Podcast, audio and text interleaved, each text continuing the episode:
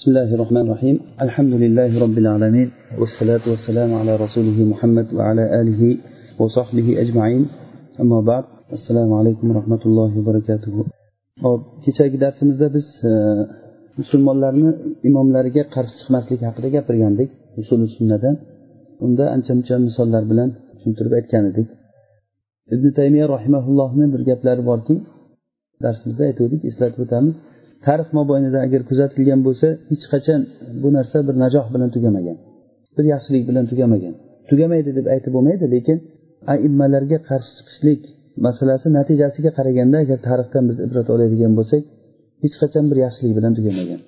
O'zi aslida bu masala e, ahli sunna va jamoa aimmalar o'rtasida xilofiy masala.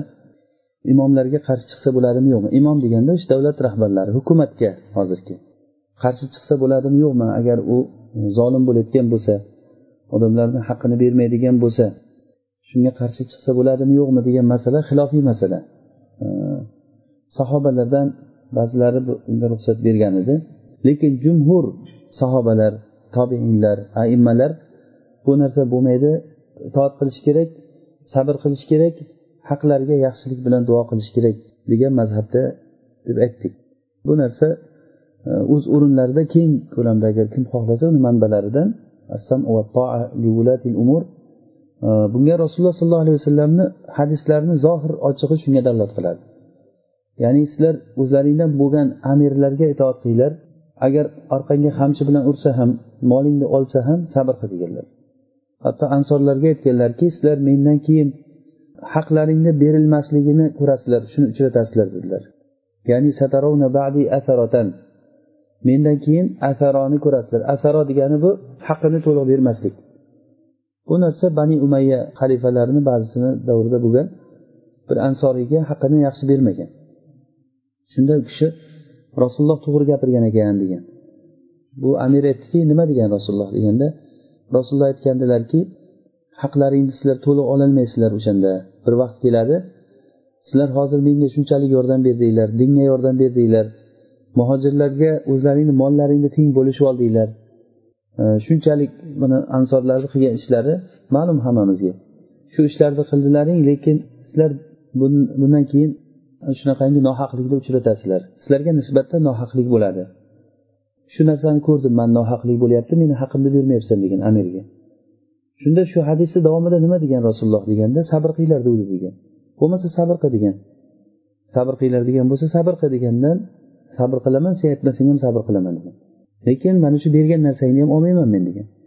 O'sha berganni ham tashlab chiqib ketgan qaytib kelmagan amirni oldiga mana bu narsa o'sha paytda ham haqi olib berilmasa ham samu va toaga rasululloh buyurdilar.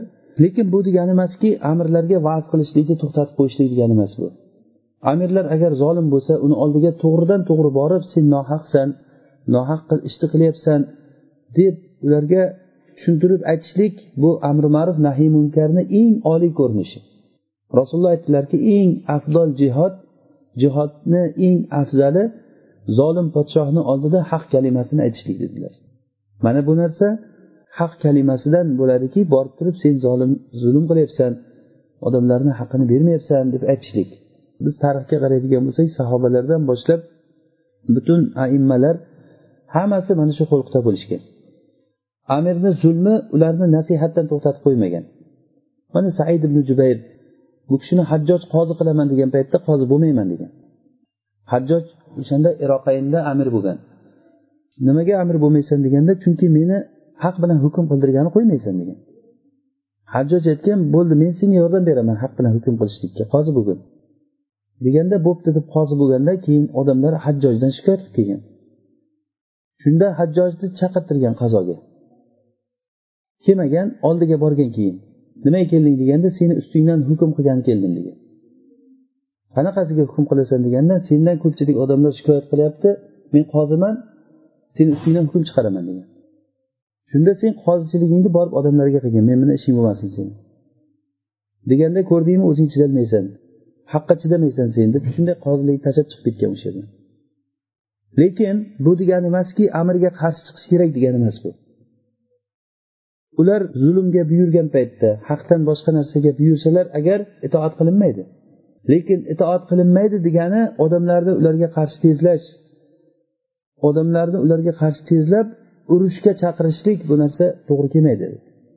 Bu narsa bizni dinimizda hadislarni butun zohiri shuni ko'rsatadi va tarix mobaynida siz ko'ravering nima bo'lganligini. Mana shu hajjojni zulmi oshib ketganligidan abdurahmon ibn ashas amir bo'lgan shuni boshchiligida said ibn jubayr ham bunga qo'shilib butun basra xalqini tezlab bunga qarshi ko'tarilgan. Natija nima bo'ldi? Natijada butun o'lim bo'lib qancha musulmonlar o'lib ketdi o'sha yerda. Hatto abdurahmon ibn ashasni o'zi ham boshi olindi. Said ibn jubayr shuning uchun o'ldirildi. U kishi qochib ketgan oxiri makkaga va o'sha qochgan joyidan makkadan u kishini ushlab kelib turib qatl qilgan ya'ni hajjoj o'ldirgan lekin zulm bilan o'ldirgan u kishini. O'shanda hajjoj aytadi sen musulmonlar amiriga qarshi chiqding deydi.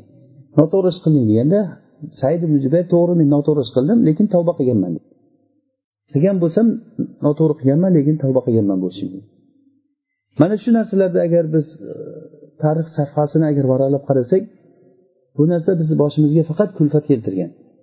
Bu qachoniki bu amir musulmon bo'lsa musulmon bo'lib turib o'sha musulmonga qarshi chiqishlik. Rasululloh sollallohu alayhi vasallam aytdilarki e, sizlar imomlaring o'shanda ba'zi bir yomon ishlarni ko'rasizlar boshliqlardan. Deganda sahobalar ey rasululloh o'shanaqangi yomon ish ko'rayotgan bo'lsak ularga qilich bilan qarshi chiqaylikmi deb so'raganlarida rasululloh aytdilarki yo'q ularga qilich bilan qarshi chiqmanglar illo agar ochiq kufrni ko'rsanglar dedilar. Buni o'tgan darsimizda to'rtta holatda sharhlab beruvdik. Ya'ni sizlar ochiq kufrni ko'rishlaring kerak. Dedi demak kufr mana shu amirlardan sodir bo'lgan ish kufr ish ekanligini ko'rishimiz kerak va u ish kufrligi aniq bo'lib ochiq bavah deganligi hech bir tavili yo'q. Biror tomondan unaqadir bunaqadir degan ehtimoli yo'q. Va siz uchun ollohni huzurida hujjat bo'lishi kerakki shu narsa haqiqatdan ollohni huzuriga borgan paytda mana shu odam kofir shu deb ayta oladigan bo'lishi kerak. Ana shu paytda qarshi chiqsa bo'ladi deyildi lekin u qarshi chiqsa bo'ladi deganligi qarshi chiqinglar degani emas bu. Nimaga? Chunki unda ham keyin odam qancha foyda bo'ladiyu chiqsa chiqmasa qancha foyda bo'ladi u narsani o'ylab ko'rish kerak bo'ladi. Mana shu zolim bo'lgan amirlarniga toat qilishlik ya'ni bu sharti iymon bo'lishlik sharti bilan aytdik buni. O'shalarga toat qilishlik ma'rufda toat qilishlik bo'ladi. Ma'rufda toat qilishlik va ularni ortidan namoz o'qishlik. Agar bidatchi bo'lsa ham agar fosiq bo'lsa ham zolim bo'lsa ham ularni ortidan namoz o'qishlik. Juma namozlarini ularni orqasidan borib o'qishlik. Sadaqotlarni ularga berishlik. Sadaqotlarni zakotlarni ularga berishlik va yaxshilik bilan ularni haqqiga duo qilishlik. Odamlarni ularni ziddiga tezlamaslik bizni vazifamiz bo'ladi. Mana bu narsa imom ahmad rahmatullohni yozgan mana usul sunnasida ochiq aytilgan barcha aimmalar mana shu gapni aytishgan bu bitta bir toifani gapi emas bu. Bitta toifani gapi emas bu. Agar kimda kim agar o'qish nimasini e, arabiy e, nimalarni yaxshi bilsa o'qib ko'rsak o'zi ham biladiki hamma aqida kitoblarida mana shu mavzu aytilingan agarda ular modomiki iymonli bo'layotgan bo'lsa musulmon bo'layotgan bo'lsa ularga qarshi chiqishlik mumkin emas. Qancha zulm qilsa ham qancha fosiq bo'lsa ham. Hatto o'sha yazid xalifa bo'lgan paytda ibn masud roziyallohu anhu uni orqasidan iqtido qilib namoz o'qigan yazid mast bo'lib turib imom o'tib bergan. Aroq ichgan mast bo'lgan. Bomdod namozini to'rt rakat o'qib bergan. Yana qo'shib qo'yaymi degan orqasiga qarab. Mast bo'lib turib to'rt rakat o'qib yana qo'shaymi deganda ibn masud aytgan ekanki sen o'zi ertalabdan beri qo'shib yotibsanku degan ekan. Aytgan sen fosiqsan noto'g'ri qilyapsan degan lekin orqasidan namoz o'qigan. Yoki o'sha ibn masud usmon roziyallohu anhu namozni to'liq o'qiganligini ko'rgan paytda la havla va la quvvata illa billah minoda to'liq o'qigan buni aytgandiga ya'ni minoda qasr o'qimasdan to'liq o'qiganlar. Rasululloh qasr o'qidilar abu bakr roziyallohu anhu qasr o'qidi umar roziyallohu anhu qasr o'qigan usmonga kelganda to'liq o'qiyapti roziyallohu anhu. Peshinni to'liq nima namozni ikki rakat o'qimasdan to'liq o'qigan. Buni eshitganda ibn masud inna lillahi va inna ilayhi rojiun. La havla va la quvvata illa billah degan. Ya'ni bu nima degani? Musibat bu. Ya'ni men noroziman bu ishga degani. Lekin orqasidan borib iqtido qilib namoz o'qigan. Ashoblari bu nima qilganing bo'ldi? Xabarni eshitgan paytingda degan. Xabarni eshitgan paytingda la havla va la quvvata illa billah deding. Inna lillahi va inna ilayhi rojiun dedingda keyin orqasidan namoz o'qiding. Bu nima degani bu? Deganda u kishi aytdilarki subhanalloh bu amirul mo'mininku bu degan amirul mo'mininga qarshi chiqib bo'lmaydi bu masalalarda demak bu narsani biz yaxshi tushunishimiz kerak. Bu har birimizni shu bugungi kundagi bo'layotgan katta bir muammomiz bu narsa. Mana shundagi bir ahli sunna va jamoatni yo'lini bilib o'shanda xotirjam bir iymonga kelib olmasak shu mavzudan o'tmasligimiz kerak deb o'ylayman men. Agar qanaqangi savollar bir yechimsiz bo'lsa agar qalbingizda bir narsa shubha bo'layotgan bo'lsa inshaalloh so'rang uni bahs qilaylik o'rganaylik bir birimizga foydamiz tegsin shu narsada bir e, hamfikr bo'laylik. Hamfikrligimiz kim bilan? Imomlar bilan birga albatta. Imom ahmad rahimaullohni mo'taziliylar xalifa bo'lgan paytda o'sha xalifa mo'tasim xalifa vofiq imom bo'lgan paytda mo'taziliy aqidasida bo'lgan. Mo'taziliy aqidasida kufr bor. Ya'ni ular qur'onni maxluq deydi. Qur'onni maxluq deyishlik ahli sunna va jamoa aqidasida kufr deyiladi. Xalifa o'sha aqidada bo'lib odamlarni shunga majburlagan va hamma yer kurrasidagi musulmonlarni shunga bo'ysundirgan. Ahmad ibn abi duat degan bir maraz odam maraz kishi bo'lgan o'zi u. O'sha odam xalifani yoniga kelib olib turib o'zini aqidasini xalifaga singdirib butun imomlarni chaqirtirib majburlatgan shu gapni aytishlikka urgan qamagan qanchalari o'lgan ham. Tayoqdan o'sha kaltakdan o'lgan odamlar. Imom ahmad yigirma sakkiz oy qamoqda yotgan shu uchun.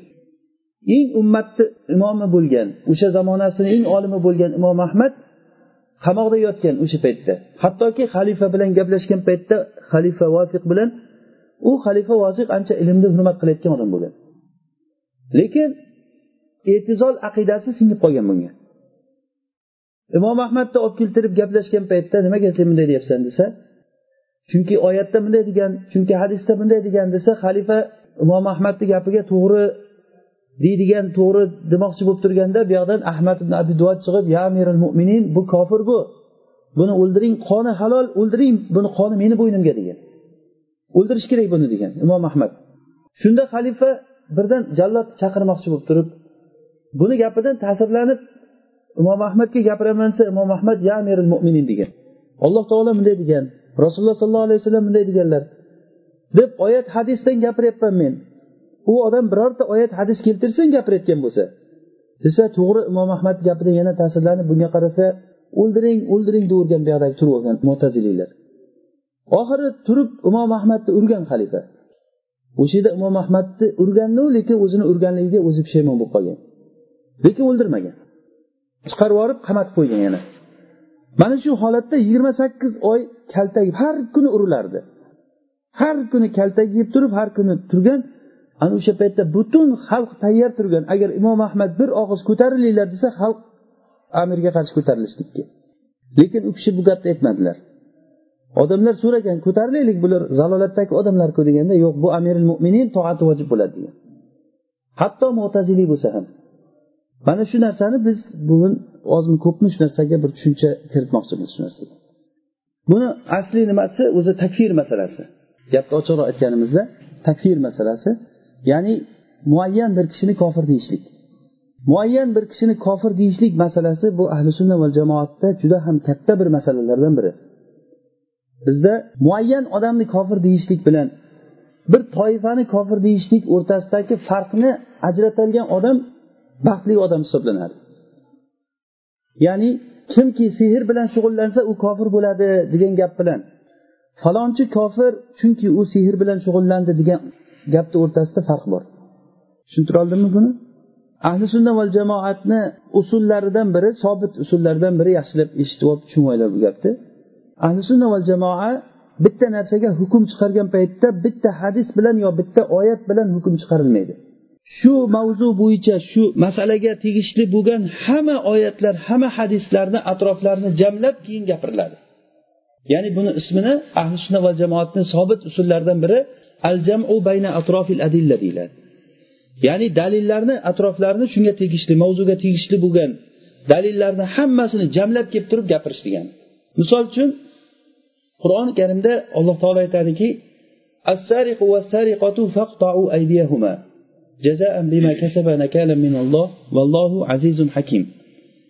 o'g'ri erkak va o'g'ri ayolni ikkalasini ham qo'lini kesinglar deyapti. Olloh tarafidan bu jazo ularga va boshqalarga ibrat bo'lsin bu narsa. Olloh aziz hakim o'zini nima ish qilayotganligini yaxshi biladigan aziz hakim zot olloh demak mana shu oyatdan chiqyaptiki o'g'rini qo'lini kesish kerak. Hech bu yerda ishkal yo'q. Bu oyatni ma'nosini tushunmay qolmaymiz biz. Qaysi o'g'ri bo'lsa ham qo'lini kesaveramizmi yo uni shartlari bormi? Qaysi o'g'rini bo'lsa ham mana shu oyatdan kelib chiqib o'g'ri degan nomni olgan odamni qo'lini kesish kerakmi yoki yo'q bu yerda shartlar bor? O'g'ri deganda hamma o'g'ri emas. Muayyan bir o'g'rini aytyapti bu yerda deb tushunamizmi? Masalan bir yosh bola o'g'irlik qildi. Qo'li kesiladimi? Yo'q nima uchun? Oyatda o'g'rini qo'lini kesinglar deyaptiku o'g'riku bu. Oyatda aytmayaptiku yosh bola bo'lsa o'g'ri bo'lsa yosh bola bo'lsa kesmanglar demayaptiku. Oyatda aytyaptiki o'g'rini qo'lini kesinglar deyapti. Mana o'g'ri qo'lga tushdi. Qo'lini kesish kerakmi buni? Yo'q deyapsiz. Nima uchun yo'q deyapsiz? Chunki boshqa joyda dalillar borki balog'atga yetmagan kishi mukallaf emas degan. Ha demak o'sha dalil bilan mana bu oyatni nima qildingiz siz jamladingiz. Umar roziyallohu anhuni xilofat davrida ocharchilik bo'lib yomg'irlar kam yog'ib ocharchilik bo'lib odamlarda qimmatchilik bo'lib ocharchilik bo'lib ketgan misrda xosatan shunda qo'l kesishlik hukmini umar to'xtatib qo'ygan. O'g'irlik qilgan odamni qo'lini kesmagan. Sahobalar bunga birortasi bir chiqib aytmadiki nimaga sen ollohni oyatini bekor qilyapsan? demadi hech kim. Ijmo masala bo'ldi bu narsa. O'g'rini qo'lini o'sha ocharchilik yilida o'g'rini qo'lini kesishlikni to'xtatdi. Nima uchun? Chunki o'g'rini qo'lini kesishlik uchun shartlar bor. O'sha shartlar topilsa keyin u hukm ijro qilinadi. Shu shartlardan biri uni mukallaf va boliq bo'lishligi mana o'zlari aytib o'tirishdi yosh bolani qo'lini kesib bermaydi. Bayhaqiy rivoyat qilgan hadisda al qalamu an thalatha. Qalam uch kishidan ko'tarilgan yosh bola hatto balog'atga yetmaguncha u mukallaf bo'lmaydi unga gunoh yozilmaydi. Agar bir jinoyat qilsa u javobgar bo'lmaydi u. yoki uxlab yotgan odam qilgan ishiga javob bermaydi uyqusida bo'lgan ishga. Yoki majnun odam majnun paytdagi ishiga javob bermaydi yoki e, majburlangan odam agar bir ishga majbur qilinsa u gunohkor bo'lmaydi. Demak mana shu narsa bilan chiqyaptiki yosh bola o'g'irlik qilsa ham qo'li kesilmas ekan va yana o'g'irlikni shartlaridan biri u o'g'irlik bo'lishi kerak. Ya'ni o'g'irlik degani nima degani? Bu yerda shubha bo'lmaslik kerak u o'zini moli bo'lishligi ehtimoli bo'lmaslik kerak. Bir odam bir begona uydan kirib narsa olib chiqib ketyapti. Shunday ko'rib mana o'g'ri deysizmi? Yo to'xta avval bilaylik bu odam kim va bu uy kimni uyi? Kimni uyidan narsa olib chiqib ketyapti? Avval so'rashimiz kerakmi yo birdan ushlaymizmi o'g'ri? deb. So'ralinadi bu kimni uyi? Bilmayman kimnikiligini olib chiqib ketyapman shu yerdan desa bu odam ana endi o'g'ri ekan deymizmi? Yo'q nima uchun olyapsan desa chunki bu meni molim. Shu yerdan topib oldim molimni yo'qotib qo'ygandim desa uni ham o'g'ri deyolmay qolamiz keyin. Qisqasi shubhalar bo'lmasligi kerak uni o'g'rini qo'lini kesishlik uchun. Shubha bilan olib kelib turib qo'li kesilavermaydi. Bunda muttafaq hamma bu narsada. Qiziq joyiki ana shunaqangi shubhalik muhtamal narsa bilan mo'min birodarini kofir degan odamlar mana shu narsani tan olgan. O'g'rini qo'lini shubha bilan kesilmaydi degan gapni tan olgan. Shubha bilan qo'li kesilmayotgan bo'lsa shubha bilan birovni kofirga chiqarib yuborishlik masalasi bundan ko'ra og'irroq bundan ko'ra ehtiyotliroq bo'lmaydimi? Kofirlik masalan o'g'rini qo'lini kessangiz agar adashib kesib qo'ysangiz ha bo'pti bitta qo'li kesiladi xolos o'ng qo'li kesiladi. Mana shu yerda. Bitta qo'li kesiladi xolos bo'ldi. Lekin uni adashib kofirga chiqarib qo'ysangiz nimalar bo'ladi? O'lsa janozasi o'qilinmaydi yuvilinmaydi kafanlanilmaydi odamlar yelkasiga ko'tarmaydi uni bitta lattaga solib sudrab olib borib xuddi bir kuchukni o'ligiday olib borib chuqurga tashlab ko'mib keladi uni. Haqiga duo qilinmaydi. Xotini taloq bo'ladi meros olmaydi. Musulmonlarni qabristoniga qo'yilmaydi. Kasal bo'lsa borib ko'rmaysiz. Yordam so'rasa yordam bermaysiz. Hozir musulmonlar bir biriga qilayotganday ana shu narsalar kofir degandan keyin kelib chiqayotgan bu buni muqtazolari. Bu o'ta o'ta xatarli narsa bu. Bu bir tomondan. Ikkinchi tomondan rasululloh sollallohu alayhi vasallam aytganlarki muttafaq alayhi bo'lgan hadisda hadis muttafaq alayhi degani buxoriy va muslim uni rivoyat qilgan hadisni sihatida gap yo'q degani. Agarda bir kishi o'zini birodariga ey kofir desa ey kofir desa shu kufr bilan bittasi qaytib ketadi deganlar. Yo o'sha aytilingan odam kofir bo'lishi kerak yo aytuvchi kofir bo'lishi kerak. Uchinchi narsa yo'q. Siz o'zizni o'sha holatga qo'yib ko'ring endi. Kim rozi bo'ladi o'shanday qilib turib o'sha xatarga o'zizni qo'yishlikka kim rozi bo'ladi? Albatta bu narsa o'z o'zidan chiqadiki judayam katta bir ehtiyotni talab qiladi bu narsa. Bir mo'min kishini musulmon odamni kofir deyishlik o'ta ham qattiq masala bu narsa. Bitta o'g'rini qo'lini kesishlikka shuncha ehtiyot bo'linyapti bu narsada hamma ittifoq keldi shu narsada. Hatto umar to'xtatib qo'ygan narsada hech kim gapirmadi. Ollohni oyatiga amal qilmayapsan sen qur'onda kelgan muhkam bo'lgan oyatga sen qanday haqqing bor buni tushirib yuborishga demadi hech kim? Nimaga? Chunki o'g'irlikni sharti topilmayapti o'g'irlikni sharti nisobga yetgan narsani o'g'irlash kerak. Ya'ni har bir narsani masalan sizni cho'ntagingizdan bitta misvagingizni o'g'irlab olsam misvak nechi pul turadi? Arzimagan bir pul turadi. Bunga qo'l kesilmaydi. O'g'irlik qilishlik bo'lib qo'li kesilishligi uchun nisobga yetish kerak. Uni nisobi bor. Hanafiy mazhabda u o'n dirham bo'lishi kerak deydi. Hambaliylar eng kami aytgan hambaliylar to'rt dirham bo'lishi kerak degan. Rasulullohni davrida nima jom o'g'irlangan misdan bo'lgan jom. Shu jomni narxida shu jom bilan qo'l kesilgan endi nechi pul turishligida ixtiloflashgan. Kimdir aytgan u o'n dirhamlik jom edi desa kimdir to'rt dirhamlik edi degan. Nima bo'lganda ham uni puli shu bilan mazhablar paydo bo'ldi. Kimdir to'rt dirham kimdir o'n dirhamligini oldi. Nima bo'lgan taqdirda ham o'n dirhamdir to'rt dirhamdir muhim muayyan bir pulga yetadigan narsani o'g'irlash kerak u demak hamma narsani o'g'irlasa ham u o'g'ri deyilgan bilan lekin qo'li kesilmaydi uni. Mana qur'onda aytyapti unaqa demayapti qur'onda o'g'ri bo'lsa qo'lini kesinglar deyapti. Bir musvoyni o'g'irlagan odam o'g'rimi o'g'ri emasmi nimaga qo'lini kesmayapmiz? Chunki uni sharti topilmayapti deyapti deyapmiz. Qayerdan oldingiz shartini? Oyatda yo'qku u gap. Yo'q u boshqa joyda hadislarda bor boshqa dalillari bor. Ularni olib kelib yig'ib qo'shib chiqaryapmiz deysizmi? Mana shu narsa ahli sunnani usuli bu mo'min kishini kofir deyishlik masalasiga qaytsak ham xuddi shunday va bundan ham ko'ra xatarliroq. Va buni xatari hozirgi aytganimiz hadis muttafaq alayh hadis. Ya'ni kimda kim o'zini birodariga ey kofir desa o'sha kufr bilan bittasi qaytib ketadi deganlar. Buni uchinchisi yo'q buni. Bu masala judayam xatarli masala bu. O'zi asli iymon va kufr degan narsa bu istilohiy gap bu. Buni yaxshi tushunishimiz kerak buni.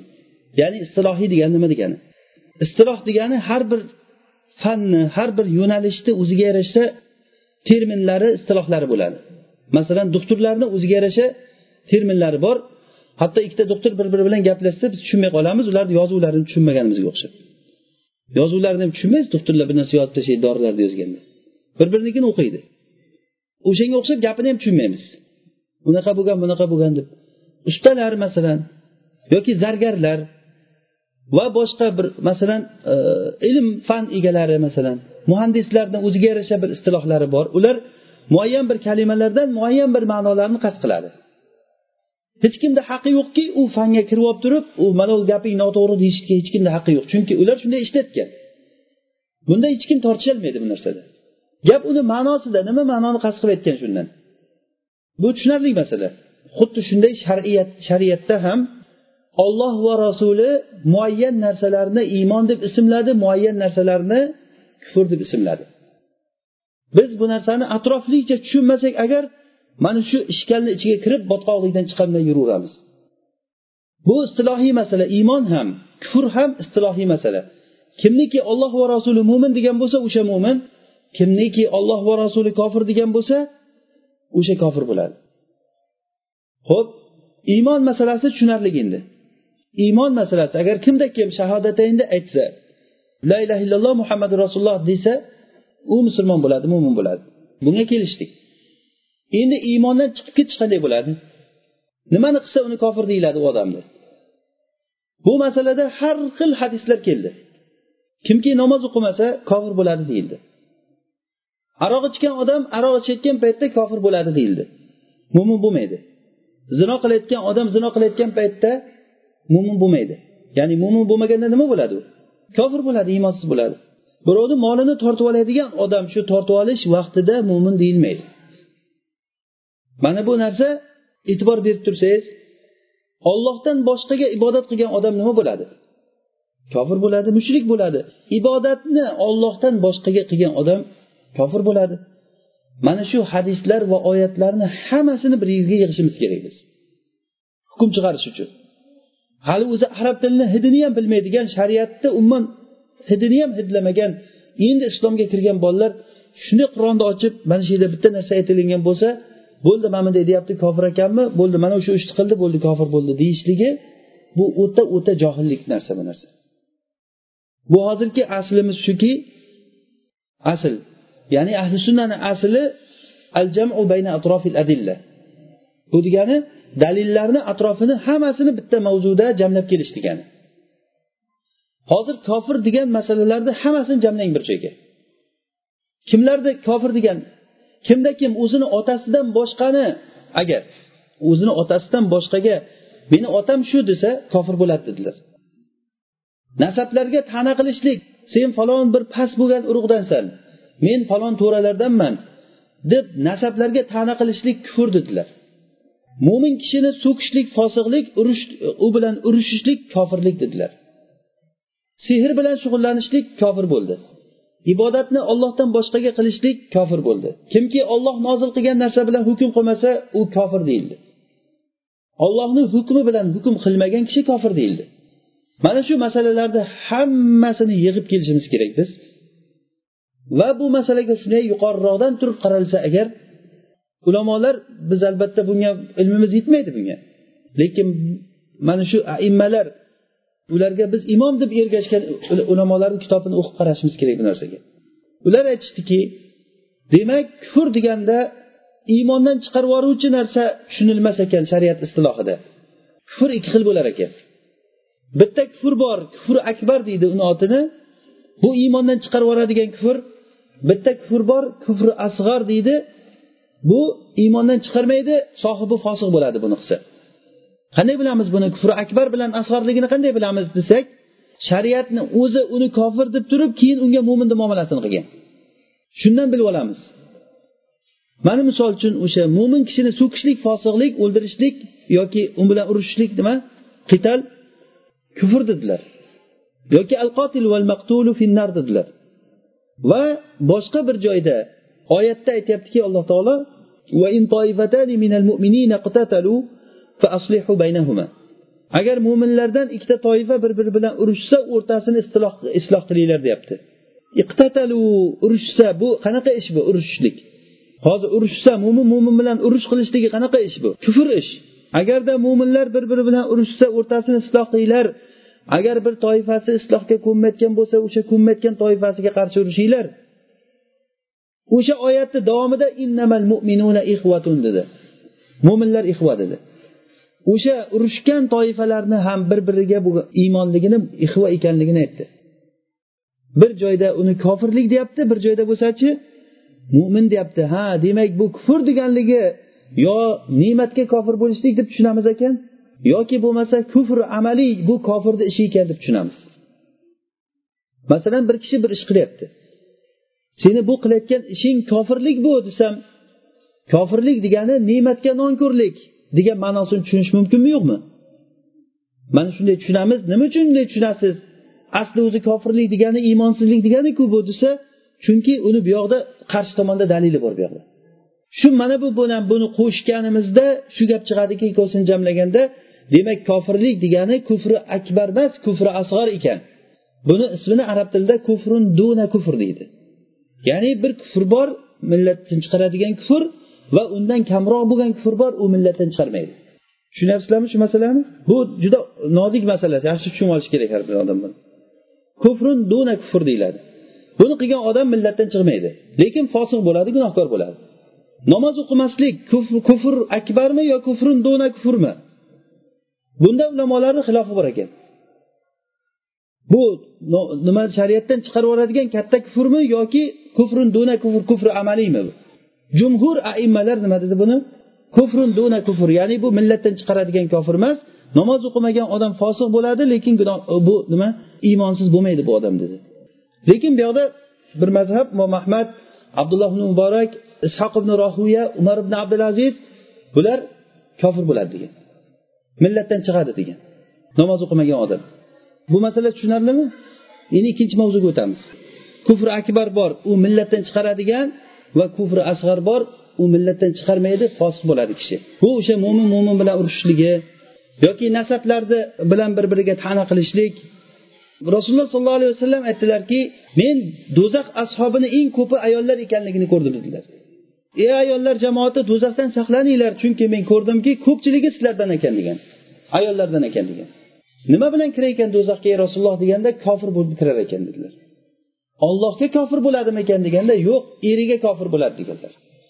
Ularni bittasiga agar bir umr yaxshilik qilsang keyin sendan bitta yomon narsani ko'rsa sendan umrbod yaxshilik ko'rganim yo'q deb aytadi degan. Bu ayollarni olloh asrasin ba'zi bir asraganlardan tashqari aksarini xulqi shunaqa bo'ladi degan. Deb aytar ekan. Umrimda sendan yaxshilik ko'rmaganman deb aytadi. Mana bu demak yakfurna degani nonko'r bo'ladi degan ma'noda ishlatilyapti.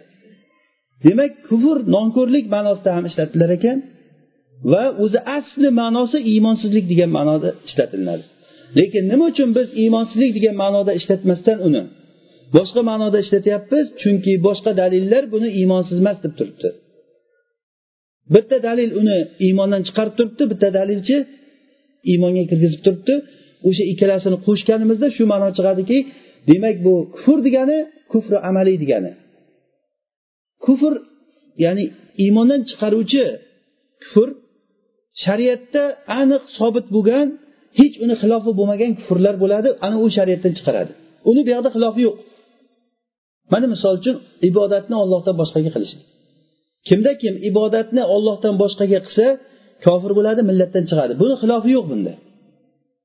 Kimda kim olloh bilan o'zini o'rtasiga vasila qo'ysa u millatdan chiqadi uni xilofi yo'q bu yerda. Mana shunaqangi masalalar bor. Buni biz agar qarab shariatni kitobi tavhid va boshqa kitoblarni o'qib qarasak muayyan bir amallar borki u sohibini nimadan chiqaradi islomdan? Shulardan biri navoqidil islomda mana o'nta islomni buzuvchi narsalarni yozib aytib bergan edik. Masalan islom ahliga dushmanchilik qilib islomdan boshqalarga yordam berishlik. Bu sohibini millatdan chiqaradi. Namoz o'qisa ham ro'za tutsa ham millatdan chiqib qoladi. Yoki islomni masxara qilsa qur'onni olib axlatxonaga tashlasa payg'ambarni o'ldirsa payg'ambarni o'ldirsa u agar namoz o'qisa ham ro'za tutsa ham payg'ambarni o'ldirsa u nima bo'ladi u odam? U tamom u oxirati kuydi degani odam. Sehr bilan shug'ullansa. Va mana shunday ba'zi bir ishlar bor olloh bilan o'zini o'rtasiga vasila qo'ysa ollohni shariatidan chiqib ketsa bo'ladi desa ollohni harom qilgan narsalardan birini halol desa halollarini harom desa mana bularni har biri millatdan chiqaruvchi narsa uni bu yoqda xilofi yo'q uni. Hech bir kishi shariatda birorta bir dalil oyat hadisdan yo imomlarni sahobalarni gaplaridan birorta gap yo'qki shu odam musulmon bo'ladi degan. Masxara qilgan kishi shariatni masxara qilsa rasulullohni masxara qilsa sunnatga amal qilgan kishini masxara qilsa bu millatdan chiqadi buni xilofi yo'q uni. Bizni hozir gapirmoqchi bo'lgan narsamiz ayni shunda gapiramiz. Ya'ni xilofi yo'q bo'lgan aniq millatdan chiqaruvchi bo'lgan amallar haqida gapiramiz. Shulardan biri masalan rasulullohni so'kishlik. Rasulullohni so'ksa olahalarga maqtab ya'ni mushriklarni olahalarini maqtab rasulullohni so'ksa nima bo'ladi? Kofir bo'ladimi? Kimda kim agar olloh taolo qodir emas meni qayta tiriltirishlikka desa kofir bo'ladimi? Ey olloh sen meni bandamsan men seni robbingman desa nima bo'ladi? Kofir bo'ladi. Xilof bormi shunda? Yo'q. Xilof bor degan odam kofir bo'ladi. Shak bilmadim degan odam ham kofir bo'ladi bunda. Alloh taolo qodirmi qodir emasmi desa bilmadim men unaqa narsaga aralashmayman desa kofir bo'ladi o'sha odam. Bunda bilmasligingiz mumkin emas bo'lgan narsalar bular. Mo'min ekansizmi siz? Bilishingiz kerak. Alloh taolo har narsaga qodir. Demak yoki bo'lmasa musulmonlarni zarariga kofirlarga yordam bersada ochiqchasiga josuslik qilsa. Bu kofir bo'ladi bu.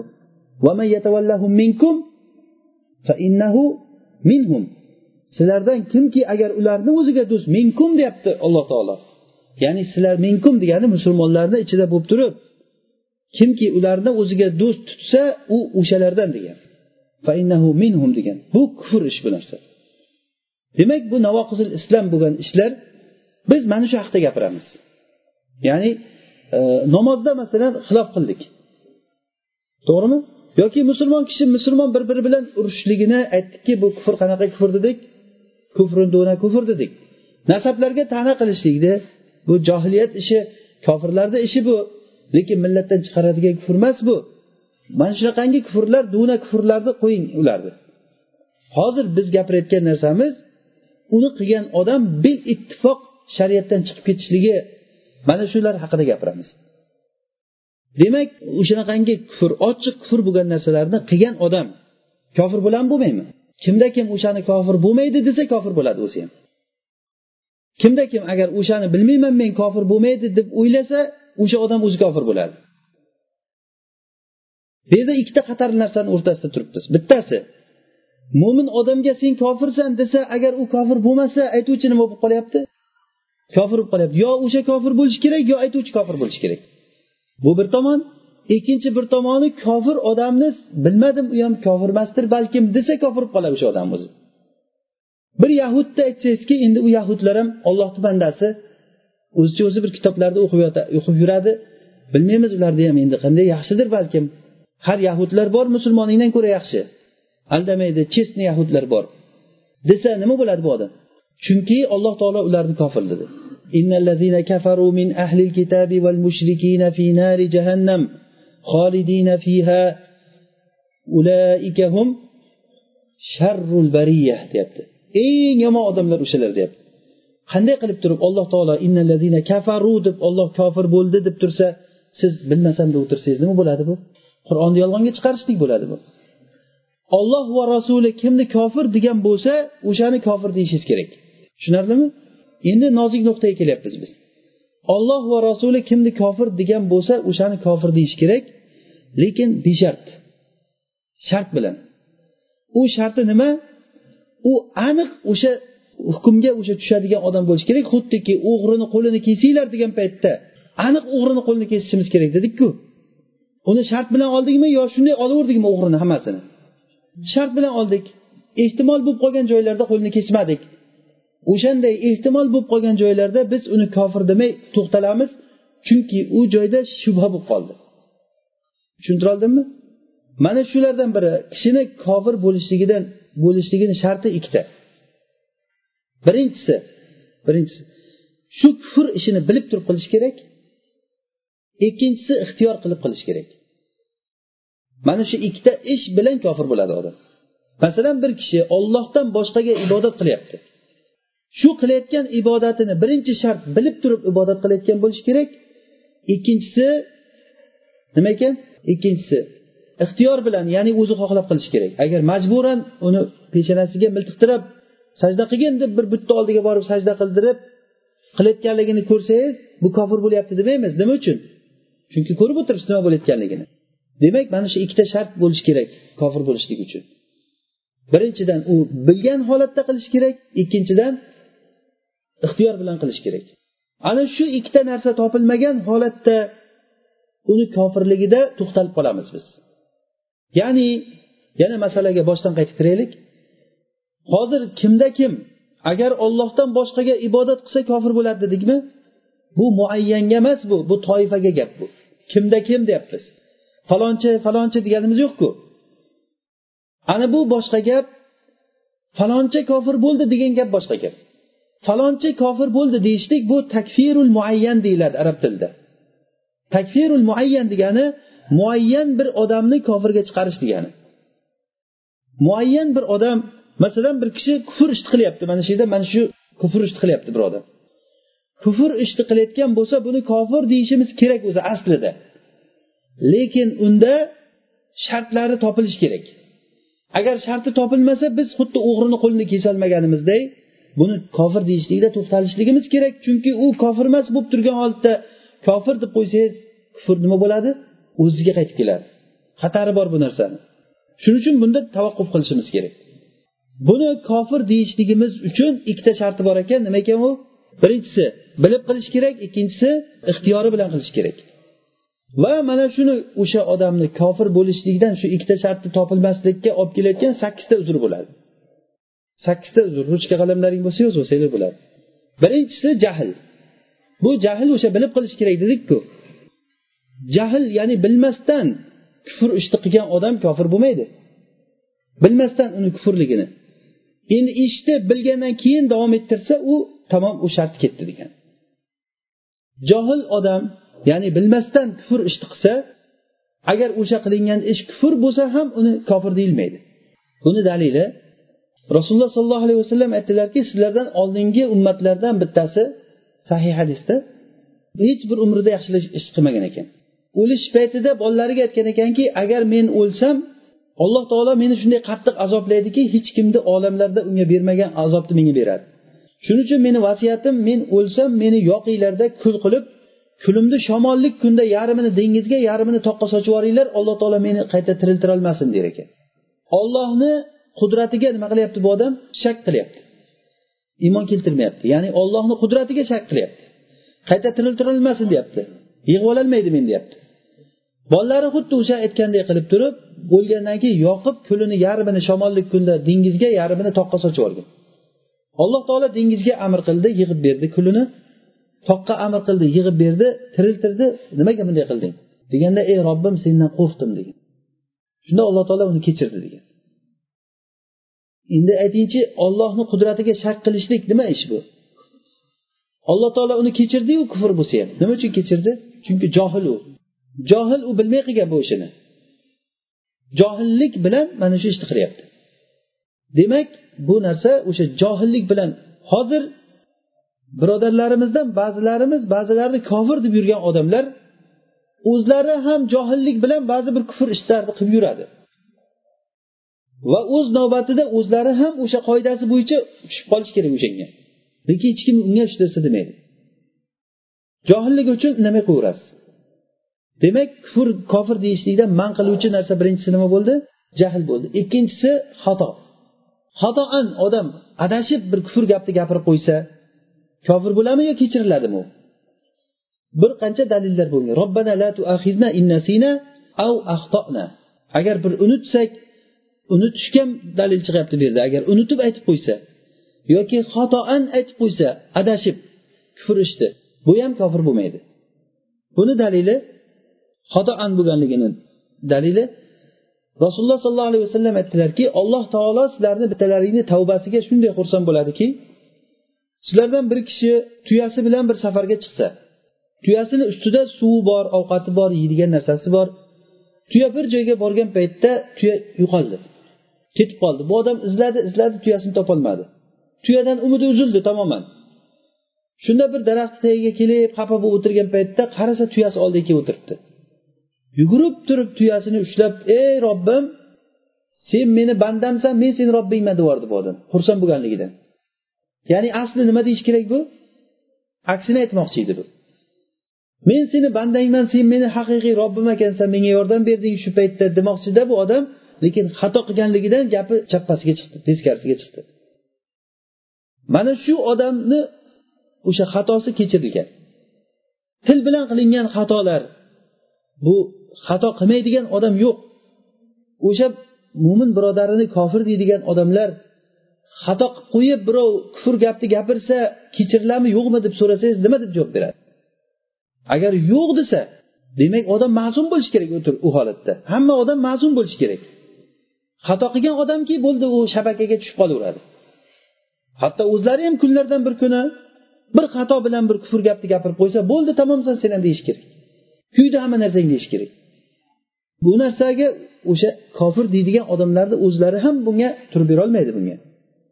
Xatoan gapirib qo'ysa adashib bir narsani bilmasdan gapirib qo'ysa alloh taolo bu narsani kechiradi. Hadislardan oyatlardan buni yig'indisidan shu tushungan tushunchamiz bu narsa.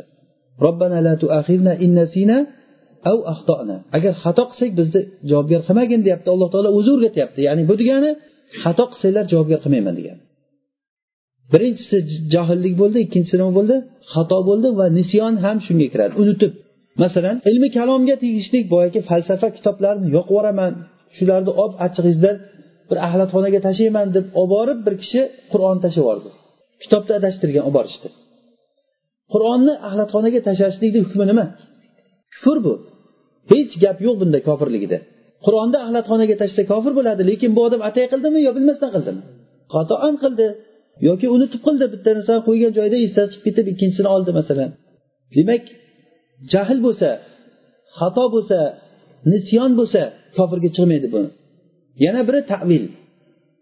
Agar tavil bilan tavil degani bir narsani bir narsani dalilni noto'g'ri tushunish degani. Ya'ni dalilni boshqa qarab tushunish degani. Buni misoli qudomat ibn mazun usmon ibn mazunni ukasi. Bu kishi umar roziyallohu anhuni xilofat davrida aroq ichib mast qilgan. Umarni xilofat davrida. Sahobiy o'zi. Umar olib kelgandan keyin nimaga ichding desa aroq halol shuning uchun ichdim degan. Aroqni halol degan odam nima bo'ladi? Hukmi? Kofir bo'ladimi? Aroqni halol degan odam kofir bo'ladi. Qanaqasiga halol bo'lsa chunki oyatda aytib qo'yibdi alloh taolo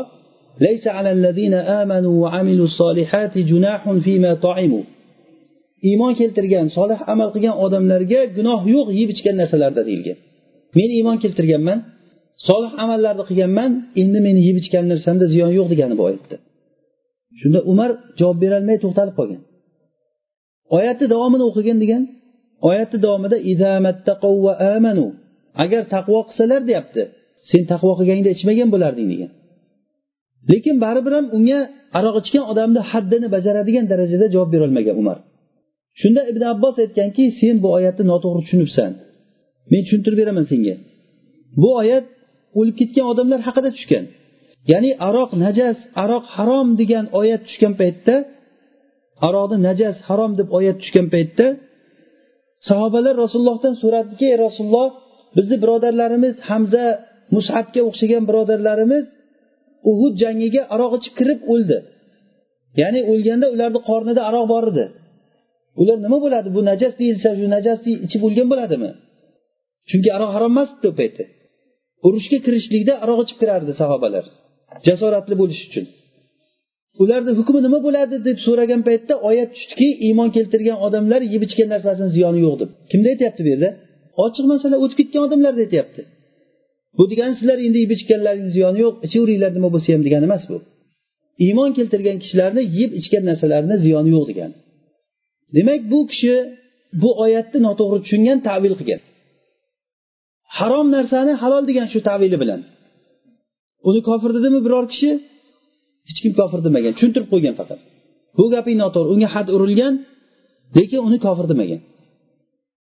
Demak bu tavil qilishlik agar tavil ham qachon o'zini usul fiq ilmida bu tavilni shartlari bor hozir mavzumizdan tashqari narsa uni shartlariga to'g'ri kelsa har qanday tavil degani emas bu.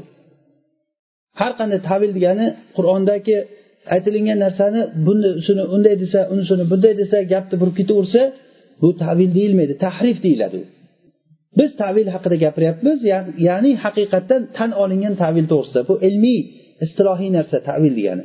Bu albatta o'z o'rnida bilinadigan narsa bu. Demak kofir bo'lishda man qiluvchi narsalar birinchisi jahl ikkinchisi xato uchinchisi nisyon unutishligi to'rtinchisi nima bo'ldi tavil bo'ldi beshinchisi yangi islomga kirganlik yangi islomga kirgan odam bilmasdan agar bu ham o'sha jahlga kiraveradi o'zi. Ya'ni bu jaholatga qo'shib yuborsak ham bo'laveradi bu narsani. Yangi islomga kirgan odam bilmasdan kufr ishlarni qilsa gunoh ishlarni qilsa yoki zino qilsa g'arbda yashaydigan bir odam islomga kirdida shu zinosini davom ettirib yuraverdi. Keyin uni ushlab sen zino qilding deb turib uni rajm qilinadimi? Yo'q unga tushuntiriladi. Islomda bu narsa mumkin emas deb aytilinadi. Demak bilmasa bilmagan holatda bu narsa javobgar bo'lmaydi bu. Yangi islomga kirganligi va islom diyoridan uzoqda yashaganligi. Ya'ni ulamolardan islom diyoridan uzoqda yashab bilmay qolganligi buni. Oltita bo'ldimi? Yettinchisi jinnilik. Yo'q oltita bo'ldi. Jahl xato nisyon tavil yangi islomga kirganligi va musulmonlar diyoridan uzoqda yashaganligi. Oltita bo'ldi. Yettinchisi majnunlik. Agar majnun bir kufr gapni gapirsa uni kofir bo'ldi deb olib borib o'ldirib yuborilmaydi. Chunki majnun u aqlsiz odamga javobgarlik bo'lmaydi. Buni hammamiz tan oladi. Shu kofir deydigan odamlar paloncha kofir paloncha kofir deb yurgan odamlar bir majnunni ham agar kufr ishni qilsa kofir deydimi demaydimi demaydi. Nima uchun? Desangiz chunki u majnun deydi.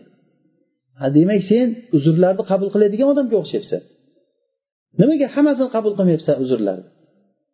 Nimaga hamma uzrlar senda qabul emasda o'zing xohlagan narsani gapiryapsan? Yettita bo'ldimi? Sakkizinchisi sakkizinchisi ikroh oxirgisi bu. Ya'ni majburlash.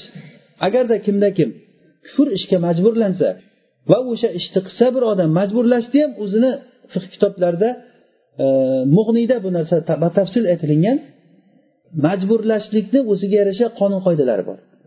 Ya'ni biz buni qisqaroq qilib tushuntirganimizda urfda shu odam majburlandi deydigan darajada bo'lishi kerak. Bir yosh bola o'yinchoq pistolsiga to'g'irlab tez hozir mana kufr gapni ayt bo'lmasa seni otaman desa majburlandim deb aytishku to'g'rimi? Qachon majburlandim deysiz?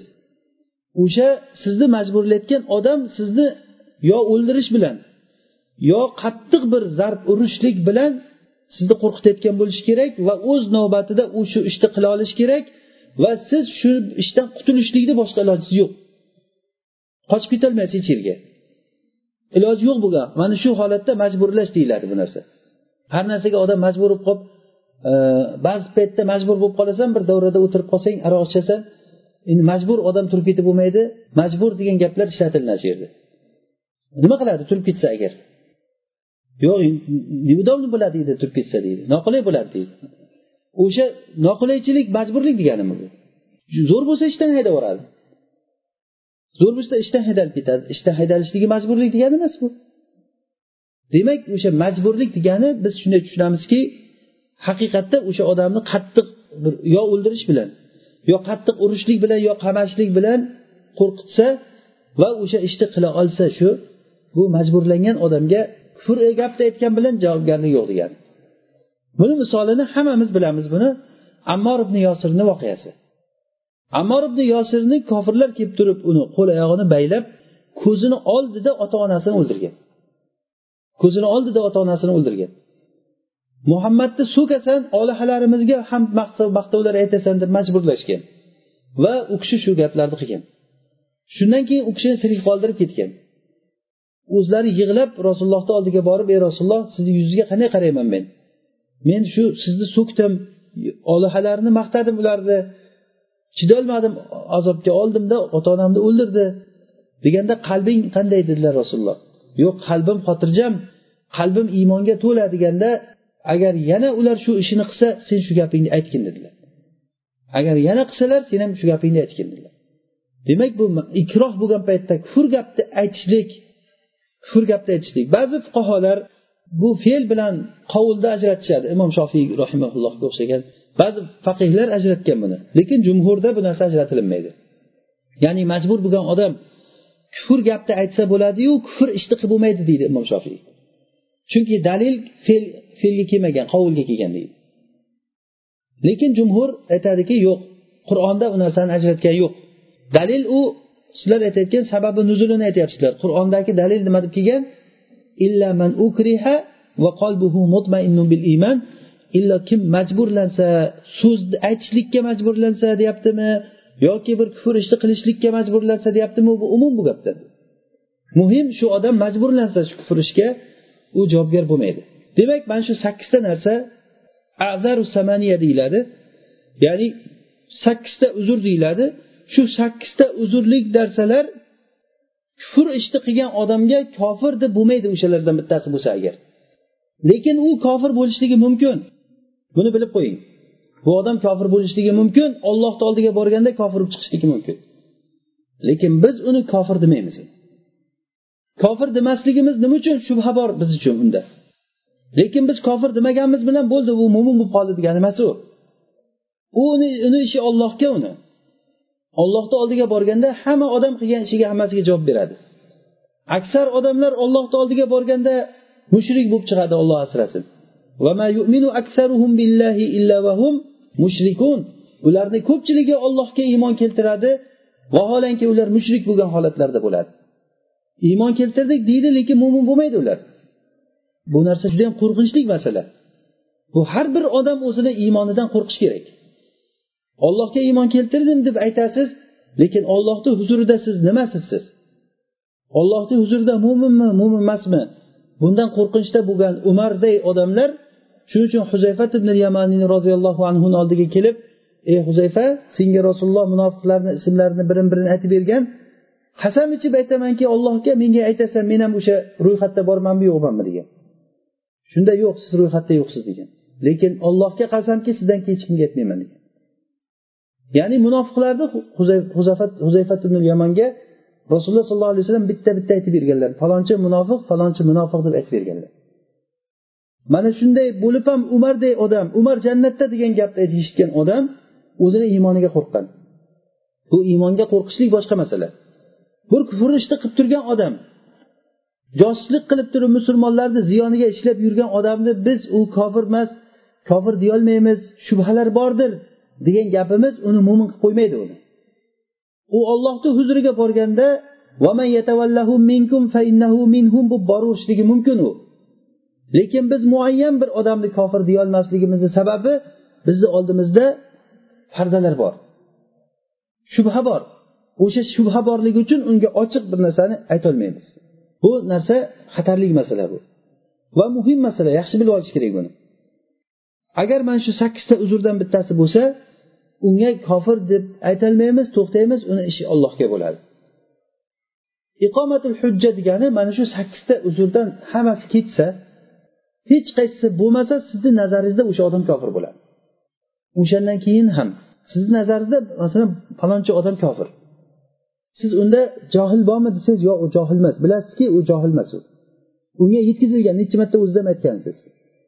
Tavil qilyaptimi desangiz gap tavilni qoidasiga tushmaydi. Ikrohmi desangiz o'zi yaxshi ko'rinishlik uchun qilyapti. Hech qanaqangi ikroh emas u. Bahona u ikroh degan gapi. Va hokazo va hokazo. Jinnimi desangiz jinni emas islomga yangi kirganmi desangiz tug'ilgandan beri musulmon. Uzoqda yashaydimi desangiz musulmonlarni ichida yuradi. Majburlanyaptimi desangiz majburlangan yo'q. Sakkizta uzrdan hech qaysisi yo'q. Lekin kufr ishni qilib turibdi sizni e'tiqodingiz bo'yicha o'sha odam kofir bo'ladi. Lekin bu e'tiqodingizdagi narsani tashqariga chiqarib faloncha kofir deb aytmaysiz. Nima uchun? Chunki mana shunday qilishlikda katta maslahat bor. Bu sizni ishingiz emas u. Kofirga chiqarishlik bir odamni kofir deb e'lon qilib uni xotinini taloq qilish o'lsa janozasini o'qimaslik va boshqa ishlar bu amirlarni ishi musulmonlar amirini ishi masalan bir o'g'ri o'g'irlik qilayotgan bo'lsa ushlab qo'lini kesishlik sizni vazifangizmi? Sizni vazifangiz emas u albatta yo'q men meni ishim yo'q u bilan degan gap emas bu. Unga amri ma'ruf qilasiz nahiy munkar qilasiz ey birodar bu ishingni qilma deysiz noto'g'ri qilyapsiz to'xtamaysiz siz. Lekin sizni ishingiz emas u hududlarni bajarishlik u davlat rahbarlarini ishi u imomlarni ishi u. Siz qo'lingizdan kelganini qilasiz bo'ldi.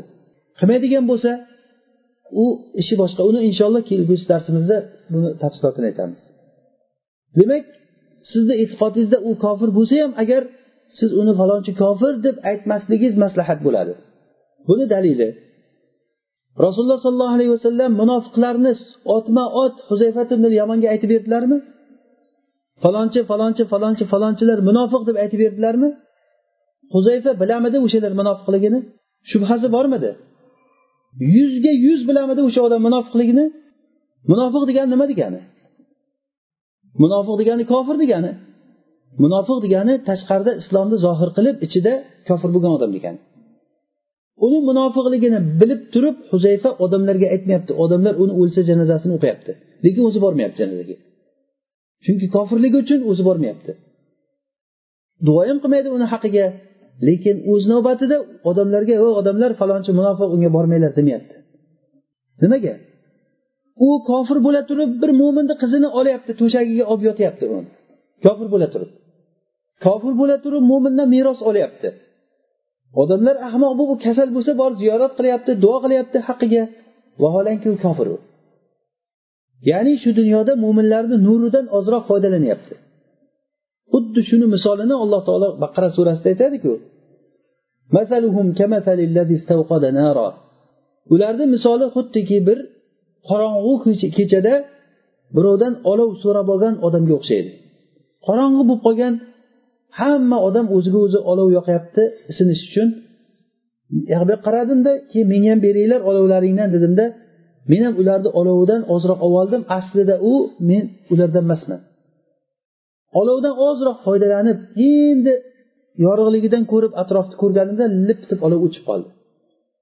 Ya'ni kerak paytida bu pand berdi menga. Ularni misoli ham xuddi shunga o'xshaydi. Ya'ni musulmonlarni jamiyatiga kirib olib turib iymonni davo qilib turib musulmonlarni ichidan foydalandi. Tinchgina yurdi u birov unga moliga teginolmadi joniga teginolmadi obro'siga hech kim teginolmadi musulmonlarni qizlarini nikohiga oldi u. musulmonlar uni haqiga duo qildi. Musulmonlar qancha kasal bo'lsa ko'rdi nasihat qildi unga. Lekin oxiratga borganda nima bo'ldi? Eng kerakli joyda uni iymoni foyda bermaydi. Agar iymon deyotgan bo'lsak shuni. Bu munofiq odam mana shunaqa odam bo'ladi. Demak qisqasi munofiq kofir odam. Lekin o'sha kofir bo'la turib ham huzayfa unga aytmayaptimi odamlarga? O odamlar men buni yuzga yuz bilaman munofiqligini rasululloh aytgan janozasini o'qimanglar demayaptiku. Nima uchun shunday demayapti? Yoki undan ham teparoqqa chiqing. Rasululloh sollallohu alayhi vasallam munofiqlarni munofiqligini bilamidi? Yuzga yuz vahiy bilan bildilarmi? Nima uchun o'ldirtirib yubormadi hammasini nima uchun? Chunki ularni o'ldirmas o'ldirishlikda ularni yurganligidan ko'ra kattaroq fasod bor. U munofiq munofiqligini qilib yuraversin. Musulmonlarga nima u? Ziyonidan ollohdan panoh tilab ehtiyotini oladi odamlar. Va alloh taolo o'zi bildirib qo'ygan ularni tillaridan fe'llaridan munofiqligi o'zi chiqib qoladi. Uni munofiqligi o'ziga zarar o'zi aslida. Lekin uni o'ldirishlikdan jamiyatga katta zarar bo'lib urush chiqib ketadi odamlar o'rtasida. Mana shu narsani rasululloh sollallohu alayhi vasallam ko'rsatib berdilar. Ba'zi odamlar aytadi falonchini o'ldirish kerak chunki u unaqa bunaqa men aniq bilaman deydi. O'sha aniq bilaman degani ham o'zi qarasangiz didi didi dibdi dibdi degan gaplar bo'ladi. Juda bilganing ham rasulullohchalik bilarsanda bilsang. To'g'rimi? Rasululloh vahiy orqali bildilar. Aniqki sen unchalik bilolmaysan. Lekin yuzga yuz bilgan holatlarda ham rasululloh nima ish tutdilar o'shalarga nisbatan? Hatto huzayfat ibn yamonga aytib boqib bu rasululloh edi u desangiz huzayfat ibn yamonchi keyin. Nimaga u kishi amiril mo'mininlarga abu bakrni xilofat davri o'tdi? Umarni xilofat davri o'tyapti. Ular yashab yuribdi. Hech kimga aytmayaptiki falonchi munofiq ehtiyot menga aytib ketgan rasululloh demayapti. Demak mana shu narsani aytmaslikda bilmasligimizda bizga foyda bor. Bir kishini kofirga chiqargandan ko'ra indamay yurganda foyda bor. Ya'ni bu degani qanday olloh kofir degan narsani kofir emas deb yurasan degan savol yana qaytib kelsa yana boya tafsilotni qaytib boshdan boshlashimiz kerak.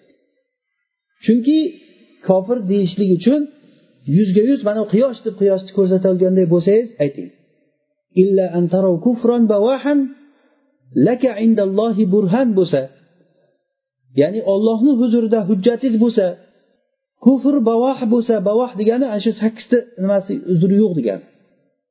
Va u kufr bo'lishi kerak. Usaymin rahimaulloh shu takfir zavobitlarida aytganki kufr ishni qilgan odamni kofir deyishligimiz uchun birinchidan u qilingan ish haqiqatdan kofirlik ishi bo'lishi kerak. Kofirlik ishi bo'lishi kerak u.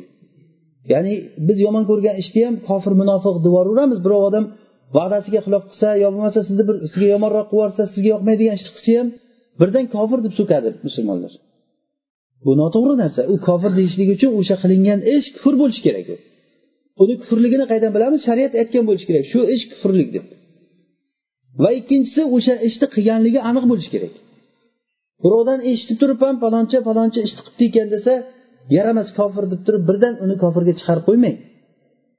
O'sha narsani aniq bilishingiz kerakki haqiqatdan shu ishni shu odam qilgan. Va qilgan ishi kofirlik.